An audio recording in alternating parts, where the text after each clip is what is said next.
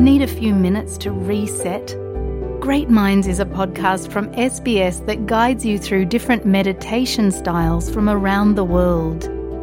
Listen wherever you get your podcasts. אתם עם SBS בעברית. לעוד סיפורים מעניינים, כנסו ל-sbs.com.au. Shalom Australia. Thousands of mourners gathered with the husband and three surviving children of Lucy Dee as she was laid to rest on Tuesday, less than 48 hours after they buried her two daughters, Maia and Rina.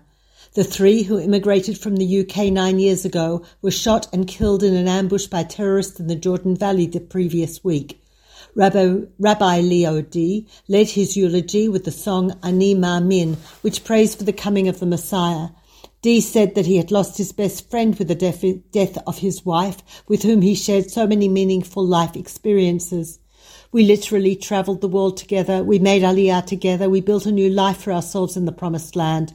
You would frequently say that you couldn't imagine living anywhere else, nor could I, even now, especially now. Lucy Dee's organs were donated and transplanted hours before the funeral, saving the lives of five people. A range of politicians, including President Isaac Herzog, his wife Michal, and Efrat Mayor uh, Oded Revivi, offered their condolences in person to the bereaved Dee family. Defence Minister Yoav Gallant updated the family on the hunt for those responsible for the shooting, vowing that security forces won't rest until they are caught. Diaspora Affairs Minister Amichai Chikli told the Dee family that the Jewish world shared their pain over the loss of their loved ones and noted that all around the world Jews answered their call to post Israeli flags on their social media pages as a sign of unity. The body of Alessandro Parini, a 35 year old lawyer from Rome was, who was killed in a Tel Aviv car ramming the previous Friday, was transferred back to Italy on Tuesday. He was killed when Yusuf Abu Jaber rammed his car at high speed into a group of people. Seven others were injured, all tourists from Italy and the United Kingdom. One Israeli woman was killed and another 30 were injured when a bus overturned in South Korea on Thursday. The Foreign Ministry is organising a special, special flights to return the group to Israel as soon as possible. Ratings agency Moody's, Moody's downgraded Israel's economic outlook from positive to stable on Friday. The agency kept the country's actual credit rating at A1, citing strong economic growth and improving fiscal strength. In its report, the agency said that the change, which came just a year after Moody's upgraded Israel's credit outlook to AAA, reflects the deterioration of Israel's governance, as illustrated by the recent events around the government's proposal for overhauling the country's judiciary. It said while the mass protests have led the government to pause the legislation and seek dialogue with the opposition, the manner in which the government has attempted to implement a wide ranging reform without seeking broad consensus points to a weakening of institutional strength and policy predictability. On Monday night, Prime Minister Netanyahu addressed the nation and said that he was confident that Israel's economy would not suffer due to the judicial changes proposed.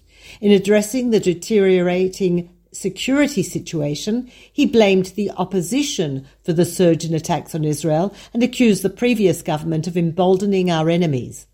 Near the end of his press conference, the Prime Minister announced that he was reversing his decision from two weeks ago and reinstating Yoav Gallant as Minister of Defence.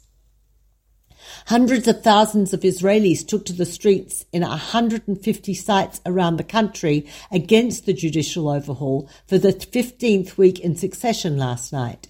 In Tel Aviv, where protesters tried to block the Ayalon highway, there were some arrests.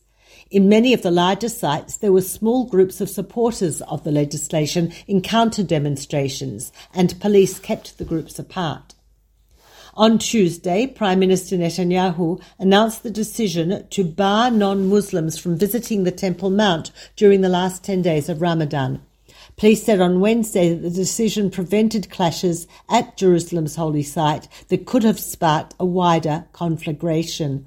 Before Tuesday's announcement, Hamas urged Palestinians to flock to the Al Aqsa Mosque and not to leave the site, warning Israel against allowing continued visits of Jews there.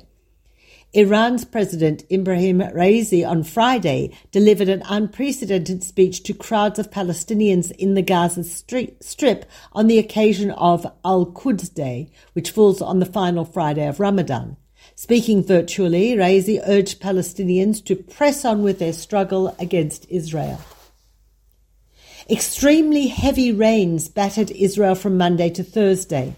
On Tuesday, rescue workers found the bodies of brother and sister Mayan Asor 24 and Saha Asor 17 from Tiberias, who went missing after their car was carried away by a flash flood in the south a day earlier.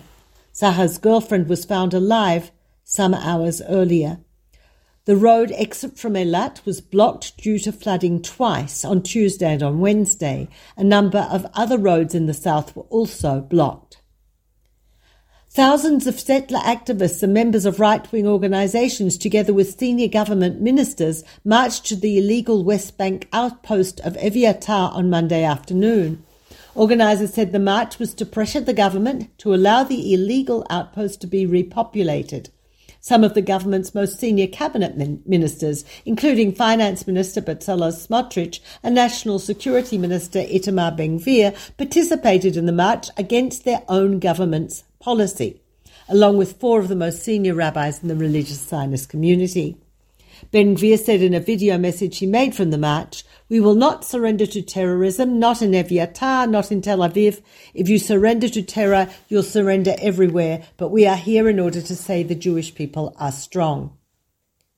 Details were published on Monday of a draft agreement between Poland and Israel on the resumption of school visits to Nazi former, former uh, death camps, and in drawing and it is drawing criticism for its list of recommended sites to visit. Yad Vashem, Israel's main Holocaust and Memorial Museum, said in a statement that the list contained problematic sites inappropriate for visiting on educational trips. 32 sites in Poland are on the list, one of which must be visited by each Israeli delegation. The list includes sites that commemorate victims of Soviet repression, including Poles who killed Jews. It also includes a host of general Polish history museums unrelated to World War II. Christian worshippers thronged to Jerusalem's Old City and the Church of the Holy Sepulchre yesterday to celebrate the ceremony of the Holy Fire. In the annual ceremony that has persisted for over a millennium, a flame, believed to be kindled in some miraculous way, is used to light the candles of believers, first inside the church and then in Greek Orthodox communities near and far. Chartered planes ferry lanterns lit by the flame to Russia, Greece, and beyond. For the second consecutive year, Israel capped the ritual in the church precinct to 1,800 people. Police say this is the maximum for maintaining public safety. Church leaders allege police were unnecessarily infringing on Christians' freedom of worship. Police say that restrictions on the ceremony were imposed at the request of a Greek Orthodox official. From 8 a.m., police were turning back most worshippers from the gates of the Old City, including foreign tourists who flew from Europe and Palestinian Christians who travelled from across the West Bank, directing them to an overflow area with a live stream. Meir Shalev was laid to rest on Friday in the northern Moshav of Nachalal with over 1,000 family, friends and admirers on hand to honour the acclaimed author. Shalev died on Tuesday at the age of 74 after a battle with cancer.